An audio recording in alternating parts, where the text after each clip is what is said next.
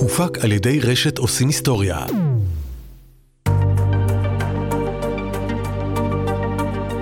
הערה קצרה לפני שמתחילים. הפרק שאתם עומדים לשמוע הוא השני מתוך שני פרקים שהקדשנו לנושא של בעלי תפקידים שנחשבו למשתפי פעולה בתקופת השואה ונשפטו בארץ על פי החוק לעשיית דין בנאצים ובעוזריהם. אם עוד לא האזנתם לחלק הראשון, אנא עברו אליו קודם, כיוון שהתוכן של הפרק הזה מבוסס על מה שהובא בפרק הקודם. אני עירית דגן מבית הספר הבינלאומי להוראת השואה, ובפרק הזה, ב"עושים זיכרון", הפודקאסט של יד ושם, החוק לעשיית דין בנאצים ובעוזריהם, והמקרה של מדינת ישראל נגד ראיה אליאס האנס. מתחילים.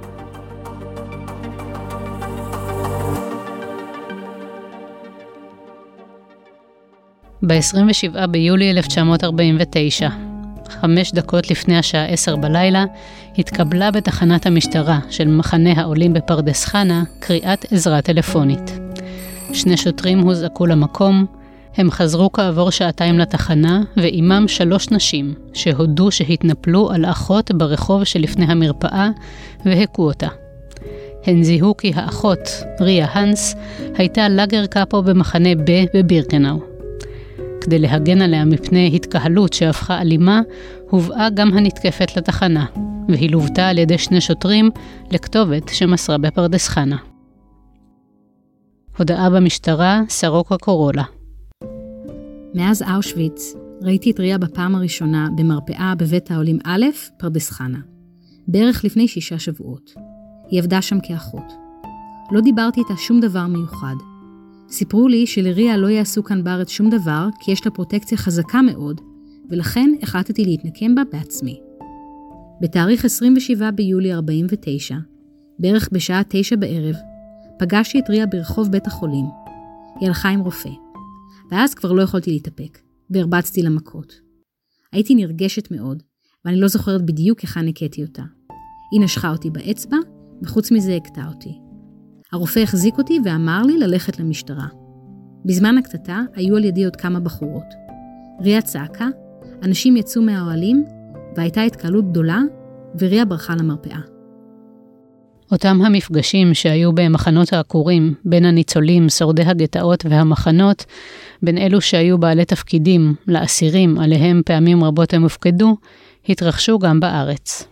ומפגשים כאלה שהסתיימו בדרך כלל הרבה פעמים במכות וברעש גדול, הוזמנה משטרה, משטרה אה, מזמינה את האנשים למסור הודעות, הודעות בעין במשטרה, ויותר מזה לא יכלה לעשות שום דבר כי לא היה שום חוק מתאים. אז הלכו והתאספו יותר ויותר תלונות, והלך וגבר גם הלחץ של ניצולי שואה לחוקק איזשהו חוק שיאפשר לטפל באנשים האלה, ואז מתגבש נוסח של הצעת חוק ובמרץ 1950 הכנסת דנה לראשונה בחוק, אחרי הקריאה הראשונה החוק, נוסח החוק אה, עובר לוועדת חוקה חוק ומשפט, בקיץ, ב-1 באוגוסט 1950 מאושר ומתקבל החוק לעשיית דין בנאצים ובעוזרים. עכשיו, כשאת קוראת את הדיונים גם בכנסת וגם בוועדת חוקה חוק ומשפט, מה מתגלה מהר מאוד שהחוק לעשיית דין בנאצים ובעוזריהם עוסק ביהודים בעצם, כלומר כל הדיונים לא בנאצים ולא בעוזריהם הלא יהודים של הנאצים, אלא ביהודים משתפי הפעולה, ושר המשפטים כשהוא מציג את החוק במרץ 1950 בפני הכנסת, אומר את זה בצורה מאוד ברורה, ולאחר מכן זה בכלל כבר לא מוסתר, זה לא איזה מטרה נסתרת, שהחוק נועד להעמיד לדין יהודים בעלי תפקידים בתקופת השואה. החל מרגע קבלת החוק השלימה המשטרה את העבודה על תיקי החקירה, והמשפטים נגד אותם שורדים שהיו בעלי תפקידים מטעם הגרמנים החלו. משפטים אלו כונו בשם הכללי משפטי הקאפו. עד מהרה הבינו כל הצדדים את התהום הפעורה בין ציפיותיהם של הניצולים לבין אופיו של המשפט הפלילי. את הפער הבלתי אפשרי כמעט לגישור בין חוויית הניצולים בתקופת השואה לבין היכולת להעביר אותה לעדות משפטית, דייקנית, דווקנית, עם כללי שיח נוקשים.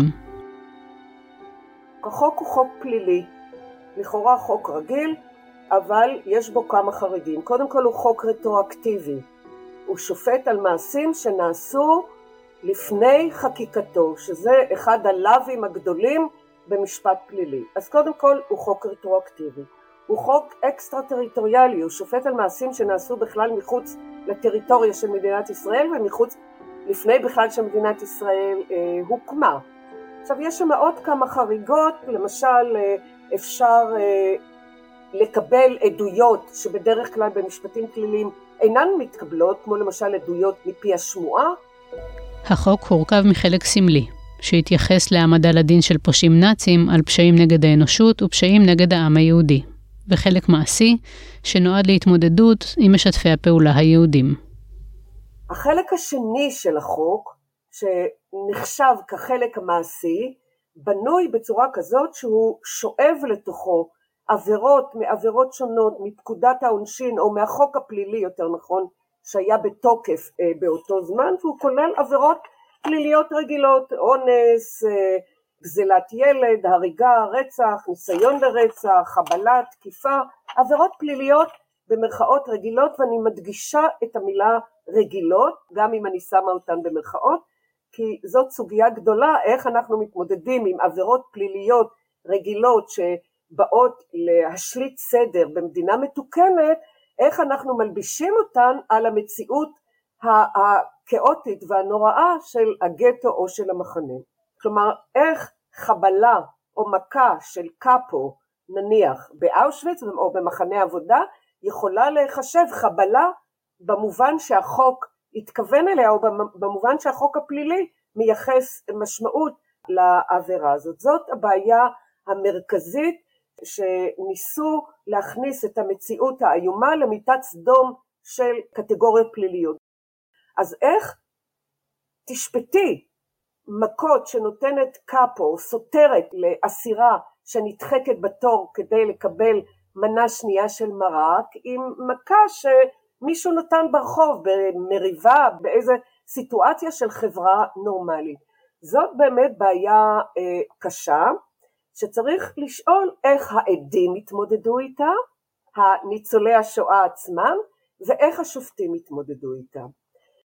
הודעה במשטרה, מרים בת מרדכי מאירוביץ'.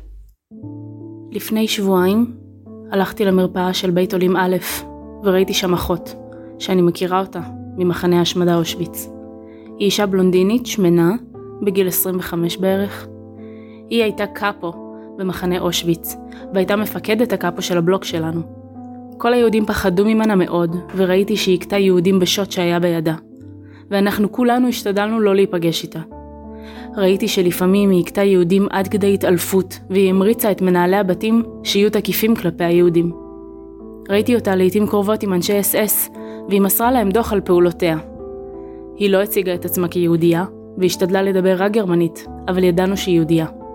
כשפגשתי אותה במרפאה, אמרתי לה בסלובקית, הנה, נפגשנו שוב. והיא אמרה, ודאי, את מכירה אותי מאושוויץ. באוגוסט 1950 חוקר המשטרה יוסף זינגר מקבל לידיו את תיק החקירה בעניינה של ריה האנס, וגובה עדויות ממספר נשים המפרטות את ההאשמות נגדה. ביום ראשון, בתאריך 27 באוגוסט 1950, בשעה 18:30 בתחנת משטרת רמת גן, הובאה בפניי הנאשמת הנ"ל, והודעתי לה שאני מפקח משטרה, והנני מאשים אותך בהאשמות כדלקמן. בזה שבמשך השנים 1944 עד 1945, במחנה אושוויץ, בהיותך ממלא תפקיד קאפו, נתת את ידך למסירת אנשים נרדפים לידי שלטון עוין. על ידי זה שבזמן בחירת אנשים להשמדה בתאי הגזים, הצבעת לאנשי אס אס, וביניהם לרופא דוקטור מנגלה, על מקומות מחבואם של אנשים בלתי ידועים שהסתתרו מפניהם, וגרמת על ידי זה לתפיסתם של אותם האנשים הבלתי ידועים ושליחתם למחנות ולתאי הגז. כמו כן, באותה התקופה ובאותו המקום, תקפת באופן בלתי חוקי ובניגוד לרצונה את הגברת רינה וייס, על ידי זה שנתת לה סטירת לחי, ואחרי זה אילצת אותה לכרוע ברך ולהחזיק שתי לבנים בידה, עד שכתוצאה מכך היא התעלפה והייתה זקוקה לטיפול רפואי. כמו כן, באותה התקופה ובאותו המקום, תקפת באופן בלתי חוקי ובניגוד לרצונה את הגברת סרוקה קורולה, על ידי זה שנתת לה מכות באגרופייך, וכתוצאה מכך גרמת לאובדנן של מספר שיניה. כמו כן, בחודש אוגוסט 1944, במחנה אושוויץ, תקפת באופן בלתי חוקי את הגברת מרים מאירוביץ' וגרמת לה לחבלה גופנית של ממש. כמו כן, בתקופת השנים 1944 עד 1945, במחנה אושוויץ, בהיותך ממלא תפקיד קאפו, תקפת עם שוט באופן בלתי חוקי אנשים נרדפים בלתי ידועים וגרמת להם לחבלות גופניות. כמו כן, באותה התקופה ובאותו המקום, בהיותך ממונה על חלוקת האוכל לאנשי המחנה הנ"ל, היית מוכרת עבור סיגריות את מנות הלחם של אנשים בלתי ידועים שהיו במחנה, ועל ידי זה גרמת להרעבתם. הוא מזמין את ריה למסור את גרסתה. הקראתי בפני הנאשמת הנ"ל את ההאשמות הנ"ל, ותרגמתי לה לשפה ההונגרית המובנת לה, ולאחר זאת הזהרתיה בזו הלשון. אין את מחויבת לענות על ההאשמות, אולם כל אשר תאמרי יירשם בכתב ויוכל לשמש כעדות.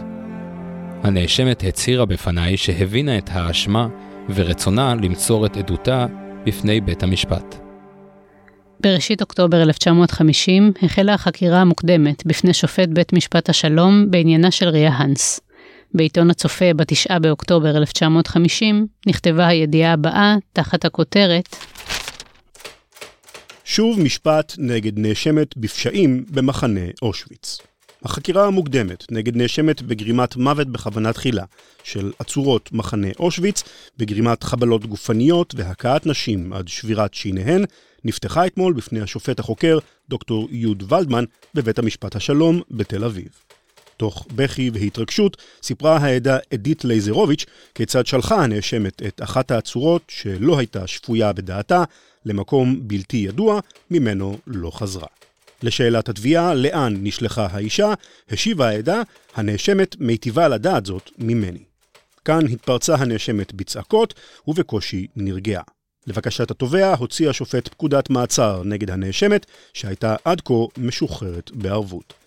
לבקשת הסנגור עורך דין שעוני, כי ייאסר על העיתונות לפרסם את שם הנאשמת כל עוד לא תימצא חייבת בדין, השיב השופט כי אין הוא יכול לאסור את הפרסום, והוא משאיר את הדבר למצפונם של העיתונאים. בעיתון דבר, מה-27 באוקטובר 1950, נכתבה הידיעה הבאה. ניסיון עשיית שפטים על ידי הקהל בנאשמת בוצע אתמול בבית משפט השלום בתל אביב, בו התבררה חקירתה של ריה האנס, הנאשמת בהתעללות באסירות במחנה אושוויץ, בתקופה בה שימשה ממונה על אסירות, קאפו, באותו מחנה. כמה מבין עדות התביעה וקרובי הנשים שהיו עצורות במחנה אושוויץ בשעתו, רצו אל תא הנאשמת וביקשו להכותה. פרצה תגרה שארכה כמה דקות בין משמר בית המשפט ובין מתפרץ מבין הקהל, עד שהצליחה המשטרה להוציא את המתפרץ מאולם בית הדין. ב-7 בנובמבר 1950 נתקבלה ההחלטה על ידי השופט החוקר ולדמן להעביר את דינה של האנס לבית המשפט המחוזי, לאחר שמצא כי יש עדות מהימנה ומספקת להעמדתה לדין. היא הואשמה על פי החוק לעשיית דין בנאצים ובעוזריהם בעבירות של פשע נגד האנושות, עשיית מעשה בלתי אנושי וגרימת חבלה חמורה. ריה האנס נולדה בספטמבר 1921 בעיר הומנה שבסלובקיה, והייתה הבכורה מבין תשעה אחים.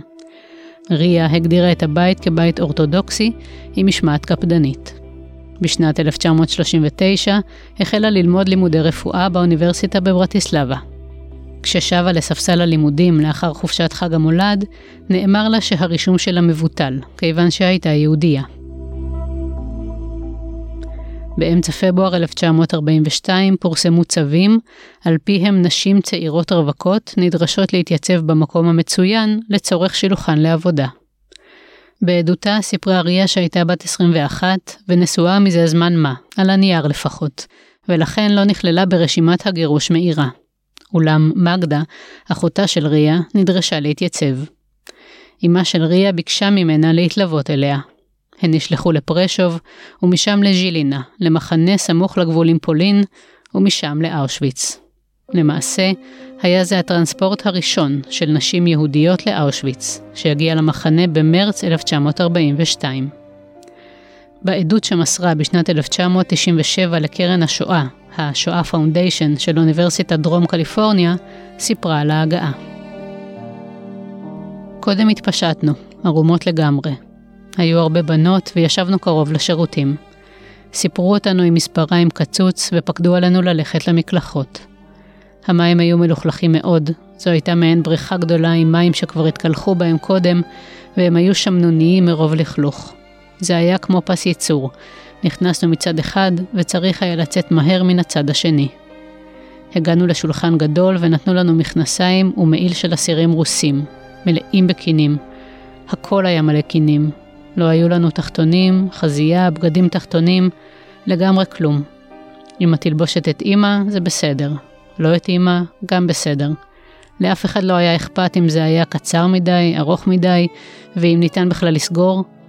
קיבלנו משהו בצבע חאקי או חום, וכפכף הולנדי בלתי מהוקצע, בלי גרביים, בלי כלום. מהיום הראשון כבר היו לנו פצעים. לא זיהינו אחת את השנייה. אחותי חיפשה אותי, אני חיפשתי אותה, היא הייתה קרובה אליי ולא זיהינו אחת את השנייה. הלכנו לבלוק 10. אני חושבת שבקומה השנייה היו מיטות קומותיים. שלוש מיטות, אחת מעל השנייה, ברוחב של פחות מ-90 סנטימטר. כל מיטה לשני אנשים. המזרן היה עם קש, אחרי כמה ימים היו מלא קינים. היינו מלאי קינים. הודינו לאלוהים שלא היה לנו שיער. לאכול לא קיבלנו, כלום, לגמרי כלום. ביום אחר, אני לא זוכרת מתי, מישהו צעק שהשעה חמש בבוקר וצריך לצאת מהמיטה. חיפשנו שירותים, היו שירותים, משהו גדול עם כמה ברזים והיו מים. כמובן שלא הייתה מגבת, נייר, כלום, כלום. וככה הלכנו למפקד. עמדנו בחמישיות, בבוקר עוד היה חושך, ירד שלג והיה קר מאוד. חיכינו, אני לא יודעת כמה זמן. חלק מהבנות עשו שם פיפי במקום, כי כבר התחיל להיות אור יום. היה יום וכלום, אנחנו שם, רק לא לזוז.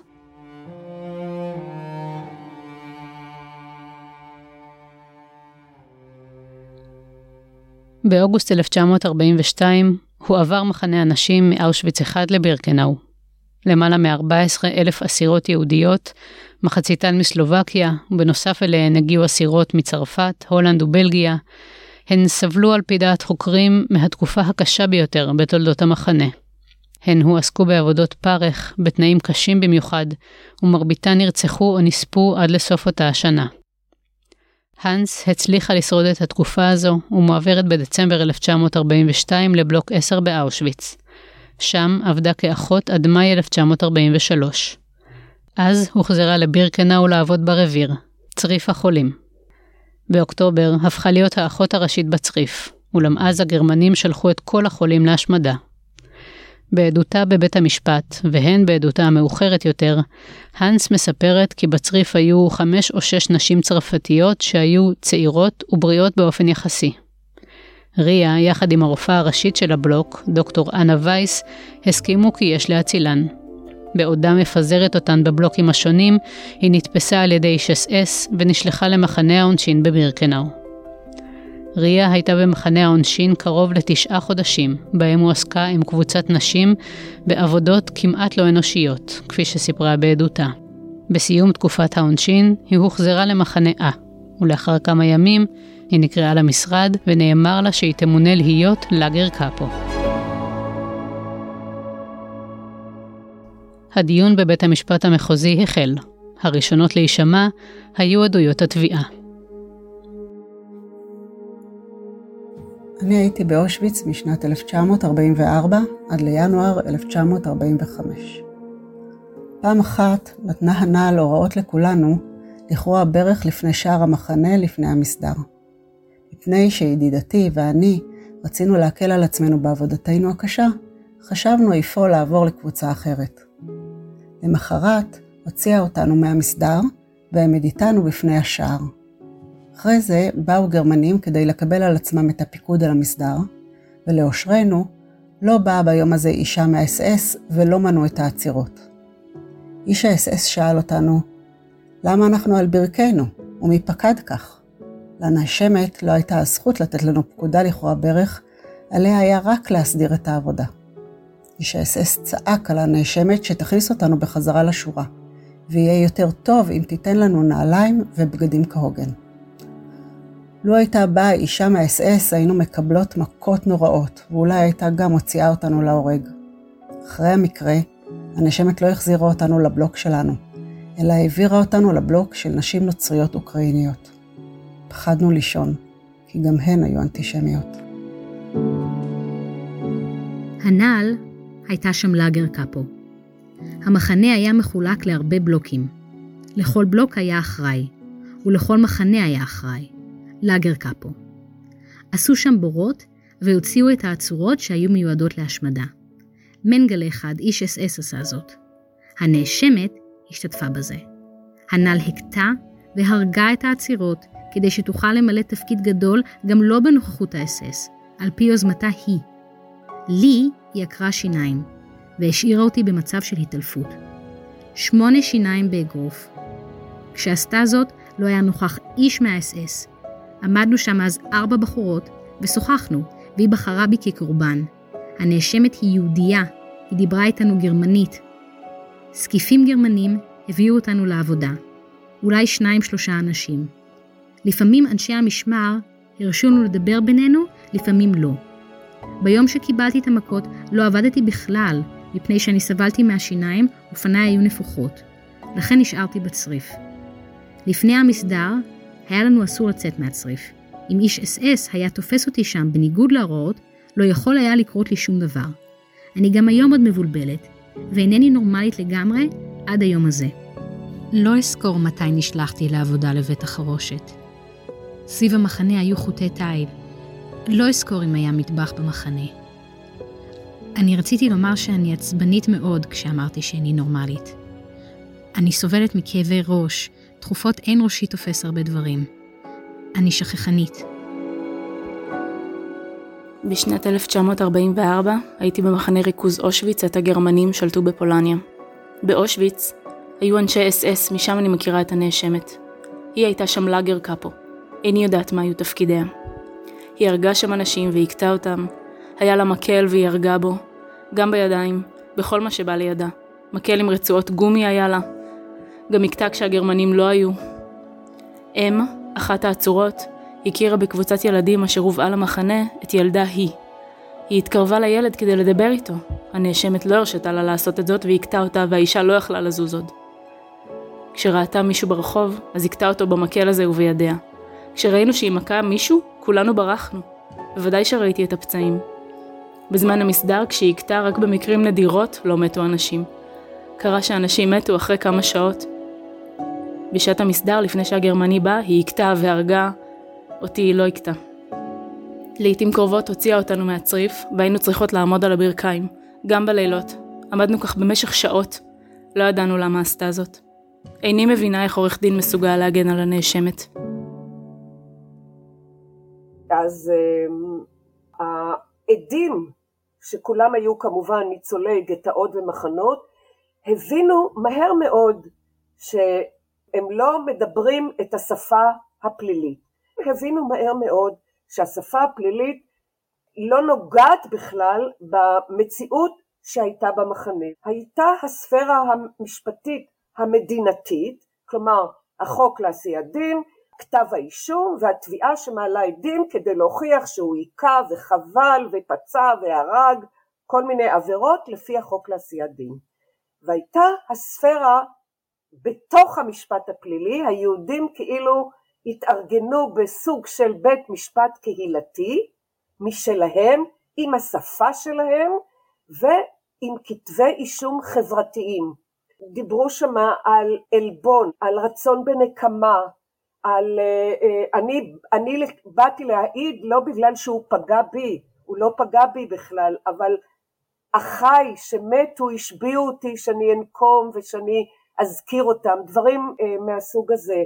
עשו השוואות בין בעלי התפקידים היהודים לבין בעלי תפקידים אחרים, בעיקר גרמנים, וההשוואות היו תמיד לטובת הגרמנים, הם היו יותר טובים, יותר מתחשבים, את יכולה להבין איזה עיוות נוצר כאן, אבל זאת הייתה התפיסה, כשמישהו יהודי עומד מעליך עם שוט או מגלה את המחבוא שלך, למשל, אחת הטענות הייתה כלפי אחד הנאשמים שהיה רופא במחנה עבודה, שהוא לא דיבר יידיש עם האסירים היהודיים. מה, כאילו, איזה מין עבירה זאת? היא בוודאי לא כתובה בחוק לעשיית דין, ולא מכניסים על זה לבית הסוהר, על זה שהוא לא דיבר יידיש, אבל כשאת חושבת על זה, שיידיש זאת, זאת השפה היהודית שמשותפת כמעט לכל היהודים, ויהודי, רופא, מסרב לדבר בשפה הזאת, בשפה היהודית, זה בגידה, זה מישהו שהוציא את עצמו מהכלל היהודי ועבר להיות חלק מהסגל המחנה, מה, מה, מהגרמנים. עם תום עדויות התביעה, בית המשפט מסביר לנאשמת שהיא יכולה א', לשמור על זכות השתיקה, ב', לתת הצהרה מספסל הנאשמים בלי שבועה, ואז לא תוכל להיחקר, ג', לתת עדות בשבועה, ואז עלולה היא להיחקר על ידי התביעה הכללית. הנאשמת בוחרת לתת עדות בשבועה. הבנתי את שלוש האפשרויות שיש לי. מתוך סיכום עדותה של ריה האנס בבית המשפט המחוזי. נשלחתי למחנה העונשין וישבתי שם שישה שבועות בלי משפט. אחרי זה קיבלתי שישה חודשים במחנה עונשין. משם יצאו רק יהודים מעטים בחיים. העבודה הייתה לא אנושית. אחרי ששת החודשים הועברתי שוב לצריף העבודה במחנה A. זה היה במאי 1944, הייתי שם כמה ימים בלבד. אז נקראתי למשרד, אז הוטל עליי תפקיד של לאגר קאפו במחנה חדש, 3ב. סירבתי לקבל את התפקיד. אז העמידו אותי בין חוטי חשמל שהיו במרחק של 80 סנטימטר במשך יומיים. אחרי זה 12 שעות כל פעם. אז קיבלתי על עצמי את התפקיד. הייתי קאפו במחנה 3ב עד ל-20 בספטמבר 1944, אז המחנה כמעט שחוסל. הועברתי למחנה 1ב, שם נשארתי רק ימים ספורים, ונשלחתי לאושוויץ לצריף החולים בתור אחות. לא הייתי שם לאגר קאפו. במחנה 3ב בבירקנאו היו תפקידיה של הלאגר קאפו להאיר באמצעות משרוקית את הנשים למסדר, אותו הדבר אחר הצהריים, וכמעט כל יום להביא את הנשים לרחצה בבית המרחץ. לי הייתה עוזרת, שרה גרוס שמה. מעולם לא הרבצתי מכות לאיש. פעם אחת, כשאישה אחת הייתה נעדרת מהמסדר, קיבלנו פקודה שכל המחנה יכרע ברך מאת איש אס אס, לא אזכור מקרה שני. לא נתתי מעולם פקודה כזאת, לא הייתה לי זכות כזאת. לא יכולתי לשלוח יהודיה לבלוק של נשים אוקראיניות. לא נתתי לבלנקה גרינפלד ולחברתה הוראה לכרוע ברך. לא אזכור גם את העובדות עליהן דיברה העדה לייזרוביץ'. ברור שהייתי זוכרת, לו היה הדבר קורה. לא היה מקרה בו עקרתי שיניים לעדה סרוקה. מקרה זה בכלל לא קרה במחנה 3ב. בהיותי שם לא ראיתי שלאגר קאפו יעשה דבר כזה. בכלל לא ראיתי את האישה הזו במחנה, לראשונה בבית משפט השלום. לא נכון שאי פעם הכיתי אם שדיברה עם בתה בזמן המסדר, או את בתה. לא נכון שהייתי ביחסים טובים עם אנשי האס-אס, היה אסור בהחלט לאסירות לעמוד בקבוצות של כמה נשים ולשוחח. קרה כמה פעמים שהגרמנים ירו כשראו. לו איש אס-אס היה רואה שלאגר קאפו סובל דבר כזה, היה תכף מעבירו לפלוגת עונשין. מתפקידי היה להודיע לגרמנים על כל מקרה של אי סדר, אבל לפני שעשיתי את זאת, פניתי לעצירות שתסדרנה את הדברים. כשהייתי לאגר קאפו, אף פעם לא מסרתי תלונה לגרמנים. פעם אחת הכנסתי אישה למיטתי, כשהגרמנים בחרו אנשים כדי להוציאם להורג. הצלתיה, היא היום גרה בירושלים. במקרה אנשי האס-אס לא מצאו אותה, לו היו מוצאים אותה, היו מעבירים אותי לקבוצת עונשין, או היו הורגים אותי במקום. פעם הצלתי אישה ממכות מידי אישה של אס-אס, כשהאישה הזאת חשבה בטעות שהיהודייה גנבה חלוק, שמה בניאס. כמה פעמים השגתי בשביל עצירות בגדים יותר מתאימים מאת מכרה שעבדה במחסן. כשאסירה אחת פעם סיפרה על כך, קיבלתי מכות נוראות. במחנות היו צריכות לעמוד בחוץ וגם לכרוע, כי אישה אחת נעדרה מהמסדר יום שלם, ולמחרת עד השעה עשר, מלבד בשעות הלילה, עד שמצאו את האישה. האסירות לא רצו לעמוד עוד. קיבלנו פקודה לשמור על הסדר, ואיבדתי את העצבים. רצתי לחדר, אז סידרו בחדרי חשמל, לקחתי צינור ורצתי החוצה והצינור בידי, כשרציתי להכות, הצינור נשבר. אולי היה עוד מקרה אחד כזה. מקרה שלישי לא היה, אני בטוחה בזה. מעולם לא הרבצתי מכות לאסירה באופן ישיר. ייתכן שכשאנשים עמדו בקבוצות דחפתי אותן, צעקתי עליהן, רק במסדר, רק בידיים דחפתי, אבל לא הכיתי. אינני מכירה אף אחת מהעדות שהעידו פה, לא ראיתי אותן לפני שבאתי לבית משפט השלום. לעתים קרובות העירו לי מהאס-אס, למה אינני לוקחת מקל ביד, ולעתים קרובות קיבלתי סטירות לחי, וגם אמרו לי שאינני מדברת עליהן בגסות מספקת. הייתה הפקודה לפיה עליי לשאת מקל, אני חושבת שלא נתנו לי מקל. היה אסור בהחלט לשתות מים בגלל סכנת מגפות. אם גרמני ראה אסירה שותה, הכה אותה. ראיתי עצירות שותות מים, לא עשיתי להן כלום, רק אמרתי להן. לא אמרתי לגרמנים שהם שתו, אף פעם לא הלשנתי. לכל העצירות, גם לאלה שהיה להן תפקיד, כולן לבשו את אותם המדים. לכולן סיפרו את השערות. לא היו לנו כובעים, אבל סידרנו לנו מטפחות ראש. מקרוביי, רק אחותי הייתה איתי במחנה. היינו עד דצמבר 1942 בבירקנאו, אחר כך הועברה יחד איתי לאושוויץ. כשברחנו מהעבודה בבירקנאו, פצעו אותה בעירייה. היא מתה באושוויץ. הייתי נשואה, בעלי מת באושוויץ. לא הובאנו לשם יחד, שמעתי שמת מטיפוס. יש לי ילד בן חמש, אני בת שלושים כעת. אני מכירה את הנאשמת.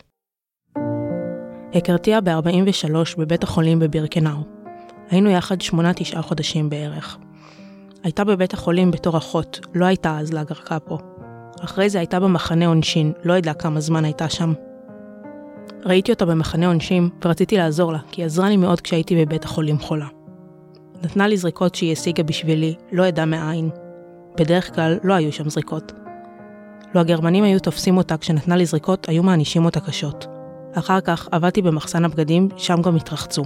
היא הגיעה לשם בהיותה לאגר קאפו עם הרבה נשים, אולי אלף, לרחיצה. שמלותיהן קרועות. ביקשה בשבילן שמלות ושמיכות. זה היה אסור. נתנו לה והיא חילקה אותן. פעם איש אס תפס אותה בזמן החלוקה והרביץ לה מכות. תכף ברחתי כי פחדתי. אחרי זה, למרות זאת, שוב ביקשה חפצים. כשהייתה לאגר קאפו, לא הייתה לה תלבושת מיוחדת, רק סרט סביב הזרוע. לא היה לה מקל.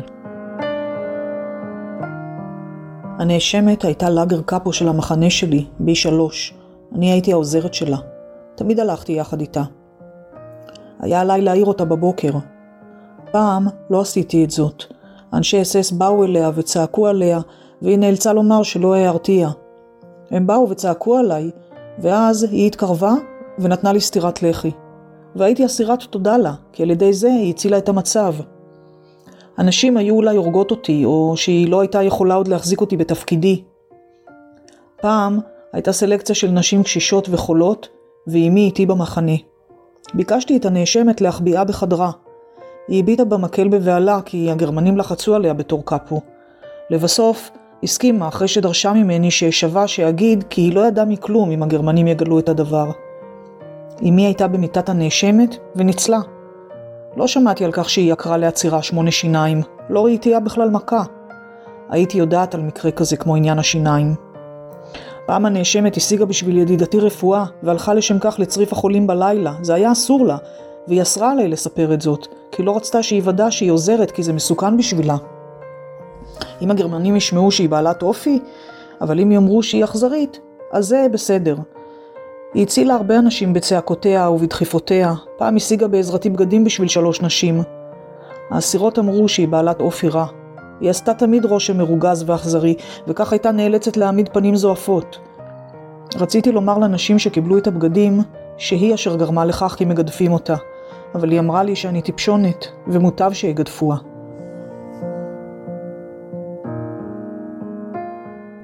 הנאשמת התנהגה בשלוש ב באופן אנושי ביותר. פעם, בשעת סלקציה, היינו בהוצאה להורג והיא הצילה את חיי בכך שדחפה אותי למקום מבטחים באומרה, לכי איבוש. לא ראיתי שהיא הכתה. אותי היא דחפה וגידפה וגם את אחרות רק כדי להצילן. צעקה הרבה, כמו מטורפת. זה היה קשה מאוד איתנו. היינו נוראות כי היינו רעבות ללחם והארכנו את הקרמטוריום. לא שמעתי שקיללה. לא הייתי מגינה עליה. אנשים פחדו בפני הנאשמת שהיא תמיד צעקה, לכן תכף הצעתי לתת עדות כשראיתי את המשפט הזה בעיתון. שם סבלנו מפסיכוזה המונית. פחדנו ממנה מאוד והדעות עליה היו מחולקות. בעיניי היא הייתה הלאגר קאפו הטובה ביותר שפגשתי. עשיתי בעצמי את הניסיון פעם כשקיבלתי תפקיד. לו הלאגר קאפו לא היה דואג לסדר, האס-אס היו באים ועושים זאת ושוברים אותנו. כך קרה לי. אני גרה על יד חיפה.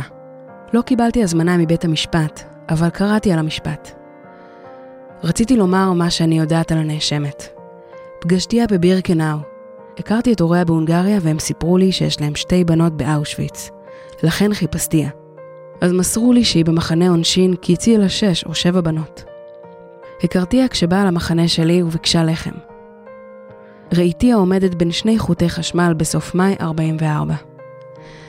שאלתי אותה כשעמדה שם, במה העניין? וענתה לי שאחרי ששוחררה ממחנה עונשין, דרשו ממנה הנאצים לקבל תפקיד של לאגר קאפו. כשסירבה באומרה שהיא מרגישה את עצמה יותר מדי חלשה, אז העמידו אותה בין חוטים. המרחק שבין חוטי החשמל שביניהם עמדה הנאשמת היה צר מאוד, כחצי מטר. עמדה שם 12 או 24 שעות. לבדה עמדה שם, ואז סיפרה לי למה היא שם. צעקנו מרחוק זו לזו. פעם אחת במחנה שלי נעדרו שבע בנות מהמסדר. כתוצאה מכך, הוצאו להורג יחד עם הבלוק אלטסטה ועם הקאפו. שלב העדויות הסתיים.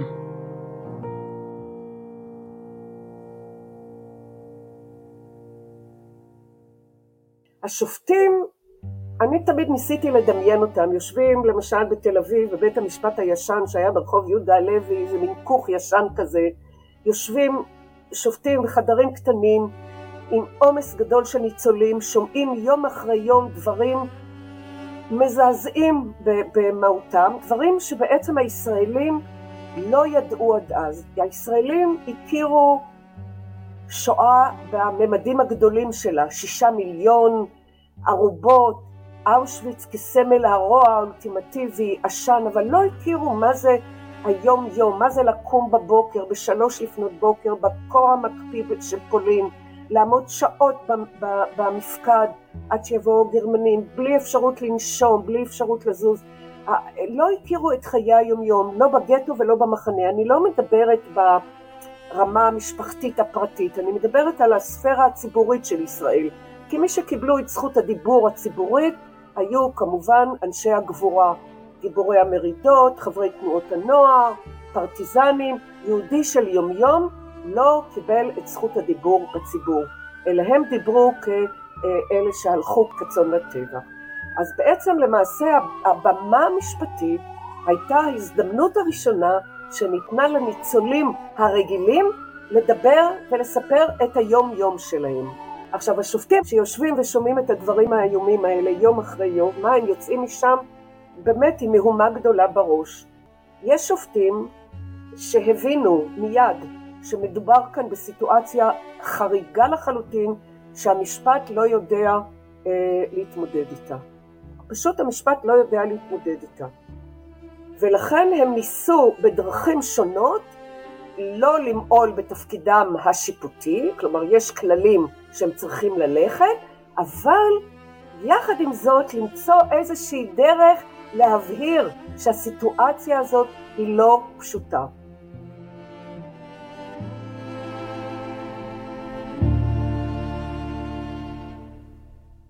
השופט במשפטה של ריה האנס היה זאב צלטנר. בפסק הדין אשר נתן, הוא מתייחס לדברים הבאים. הוא מונה את סעיפי האישום, אלה שקרו בבירקנאו ואלה שנטען שקרו באושוויץ. על פי העדויות שהוצגו בפניו, הוא קובע את העובדות הבאות. הוא מאמין לריה, שהצילה שש נשים יהודיות בזמן שהייתה אחות בבית החולים, וכתוצאה מכך נשלחה למחנה העונשין. הוא מתייחס לעדויות המחזקות דברים אלו, אך גם מציין שהיה מקבל את הדברים בלעדיהן. הוא מאמין לה, וגם לדברים האלה יש סיוע מאחת העדות, שהיא ניסתה להתחמק מתפקיד זה, וקיבלה אותו על עצמה בלית ברירה לאחר שהוא עמדה בין גדרות התיל המחושמלות. את התפקיד הזה מילא במחנה בירקנאו במשך שלושה עד שלושה וחצי חודשים, עד לספטמבר 1944. צלטנר לא מאמין לעדות התביעה, ועל אף שהוא מאמין להן כי זה מה שהן זוכרות, ומגלה אמפתיה למצבן, הוא מפריך את טענותיהן בדבריו, תוך הדגשת הסתירות הפנימיות בהן, ותוך שימוש בעדויות ההגנה אותן הוא מקבל. כמעט כלפי כל אחת מעדות התביעה, הוא טוען ברגישות רבה, כי המקרה אכן קרה, אך אולי במקום אחר, בזמן אחר, ועל ידי מישהו אחר. מחד, צלטנר מבין וכותב כי מצבן של הנשים ועדותן במשפט הושפעו ממה שעבר עליהן במחנה. יחד עם זאת, הוא כותב את הפסקה הבאה, בה ניכרת הבנה של המצב וחוסר הבנה מוחלט של המצב בו זמנית. כנגד מערכת העדויות של התביעה הכללית עומדת מערכת העדויות של ההגנה. אמנם נכון כי העובדה שאאמין לעדויות ההגנה כשלעצמה אינה פוסלת בהכרח את עדויות התביעה הכללית. כי ייתכן שהנאשמת הייתה דו-פרצופית, וגם הצילה אחרות, וגם סיכנה את עצמה, וגם הכתה וגם הרגה. אבל אם כי דבר כזה אפשרי מבחינה הגיונית, מחשבתית גרידא, הרי קשה להבין למה אותו האדם המסכן את עצמו לטובת הזולת, הוא מסכן את עצמו לא סכנת מה בכך, אלא סכנת מוות, ולא בנסיבות יומיומיות, אלא בנסיבות של מחנה הסגר. למה האיש הזה ינהג בעת ובעונה אחת כרוצח סדיסטי? יוצא אפוא שאם אאמין לידי ההגנה, הרי יהיה בזה משום החלשה נוספת, ואולי אפילו החלשה מכרעת של עדות התביעה הכללית. אם כי עליי להדגיש, כי גם בלי החלשה זו, הרי הייתי גורס כי על הנאשמת ליהנות מן הספק.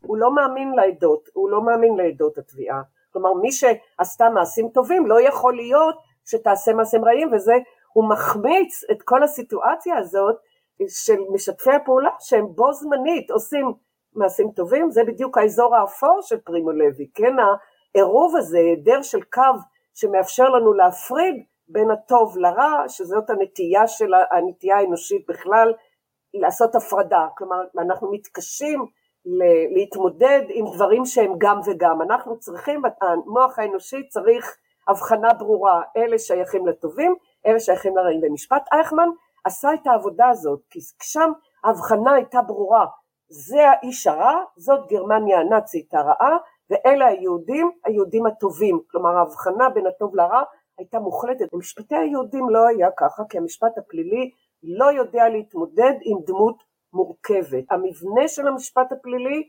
הוא מבנה בינארי, או אשם או זכאי, אין, אין באמצע, אין דבר כזה נאשם שהוא קורבן ומבצע עבירה בה בעת, כן? זה, זה, זה לא מסתדר.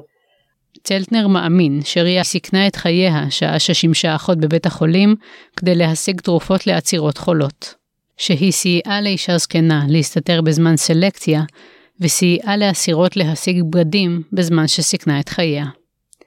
בסעיף 11 בפסק הדין, הוא כותב ומסביר מדוע הוא מבטל את עדות התביעה, ושוב, מגלה הבנה למציאות המורכבת ששררה במחנה. יש להבין במידת מה את הפסיכוזה שנוצרה אצל העדות נגד הנאשמת על ידי האווירה שבה היא הייתה נאלצת למלא את תפקידה בתור לאגר קאפו.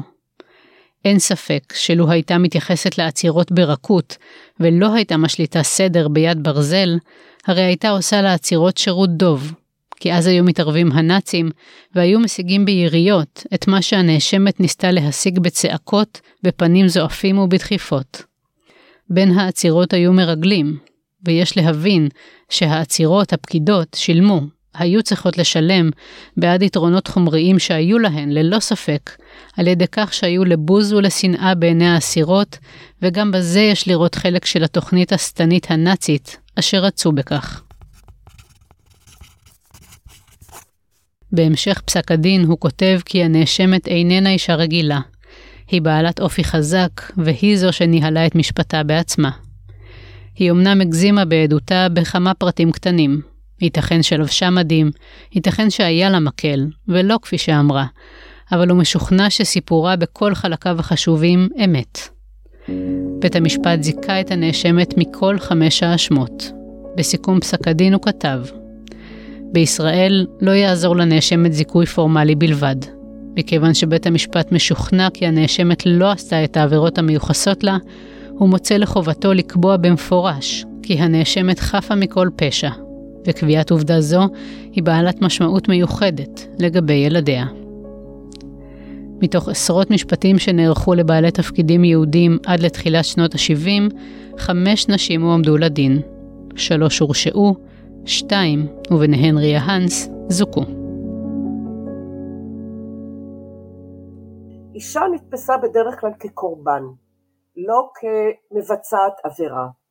אז אישה קאפו זה בכלל אה, תסבוכת אחת גדולה. קודם אישה שמשתמשת בשוט או במכות, וצריך לזכור, הרוב המוחלט היו בעלי תפקידים גברים, לא נשים, נשים נהרגו ראשונות, נרצחו ראשונות, הם וילדיהם, גברים אחריהם. אז ברור שבין בעלי התפקידים יש רוב מוחלט לגברים. אז אישה שעומדת לדין באשמה שהיותה קאפו או, או איזשהו תפקיד אחר במחנה, אה, אז היא עומדת לדין בכמה רבדים. יש את הרובד המשפטי, שהחוק לעשיית דין בנאצים ובעוזריהם, שלא מפלה בין גברים לנשים. יש את החוק היהודי, כן, של מי שבגדה בעם היהודי, ויש את החוק הנשי. החוק הנשי האוניברסלי אומר אישה שמבצעת מעשים אה, אקטיביים, מעשים של עבירות, היא אישה שחרגה מהסרגל ההתנהגות המצופה מנשים. אז אישה עומדת לדין על שלוש עבירות, במרכאות אני אומרת את זה. גברים שעמדו לדין עמדו רק על שניים. למרות הזיכוי, בשנת 1957 ריה האנס עזבה את הארץ עם שני ילדיה ובילתה את שארית חייה בברזיל. בעדות שמסרה בשנת 1997, היא סיפרה למראיינת על ההאשמות ועל המשפט. כשהמראיינת שאלה אותה האם הרביצה, ענתה, אני בטוחה שלא. אבל כשמדברים כל כך הרבה, חושבים כל כך הרבה, שבוע או שבועיים לפני הייתי יכולה להישבע שלא הרבצתי. היום אני כבר לא יודעת. היום לא יודעת, כי היו כל כך... שעות לפני כן התחלתי לחשוב על איך היה, ללא משמעת, ללא כבוד, כלום, רק חושבים על עצמם. ואני... לא יודעת. מתי מבפנים. את מבינה? משפטי הקאפו נמשכו, למרבה ההפתעה, גם אחרי שהובא לכאן פושע נאצי שנשפט על פי אותו החוק, משפטו של אדולף אייכמן, אולם הם הלכו והתמעטו. בפסק הדין של שופטי בית המשפט העליון, שדנו בערעור שהוגש בעניינו של הירש ברנבלט, שהיה מפקד המשטרה היהודית בבן דין, והורשע בבית המשפט המחוזי, ניתן אולי לראות את השינוי בגישה ואת אחד ההסברים מדוע המשפטים אלה הסתיימו. בפסק הדין, נשיא בית המשפט העליון דאז, יצחק אולשן, התייחס לתפקידו של היודנראט ולתפקידה של המשטרה היהודית בגטאות, וכתב כי זוהי שאלה להיסטוריה, ולא לבית המשפט. הסיפור הזה היה טאבו, כי זה לא מתאים, קודם כל לא התאים לאידיאולוגיה הציונית ששמה בראש מעייניה את הגבורה, ולא את היהודי הקורבן. יהודים משתפי פעולה כמובן לא נתפסו, אין שום מרכיב של גבורה בהתנהגות שלהם. הסיפור הזה של היהודי הגלותי שמשתף פעולה, מוסר, שמשתף פעולה עם מי שהמיט את האסון הכי גדול על העם היהודי, זה לא חומרים שמרכיבים סיפור של בניין עם. ולאט לאט העניינים האלה שקעו באמת בתהום הנשייה, זה תיקים שהעלו אבק בארכיון המדינה, איש לא ביקש אותם, איש לא נדרש להם, ואני חושבת שהסיפור הזה הוא חשוב מאין כמותו. קודם הוא חשוב כי הוא פרק בלתי נפרד מהשואה. כמו שהיה המרד, כך היה שיתוף פעולה. אין שואה בלי שני המרכיבים האלה, נכון? מבחינה חברתית ראוי ללמוד איך קהילה מתמודדת עם עברה, זה סיפור מורכב וסיפור מרתק מאין כמותו, ומרתק לראות איך המשפט מתמודד עם סוגיה מורכבת ומעורבת כזאת שבה אין, שוב, אין הפרדה כמו שהמשפט אה, אה מחפש אותה בין הנאשם ובין המורשע ובין הזכאי או בין הטוב ובין הרע. אז כל כך הרבה אה, מרכיבים באמת הופכים את זה לסיפור מרתק שהיום מלמדים אותו, אני מלמדת אותו, אחרים מלמדים אותו.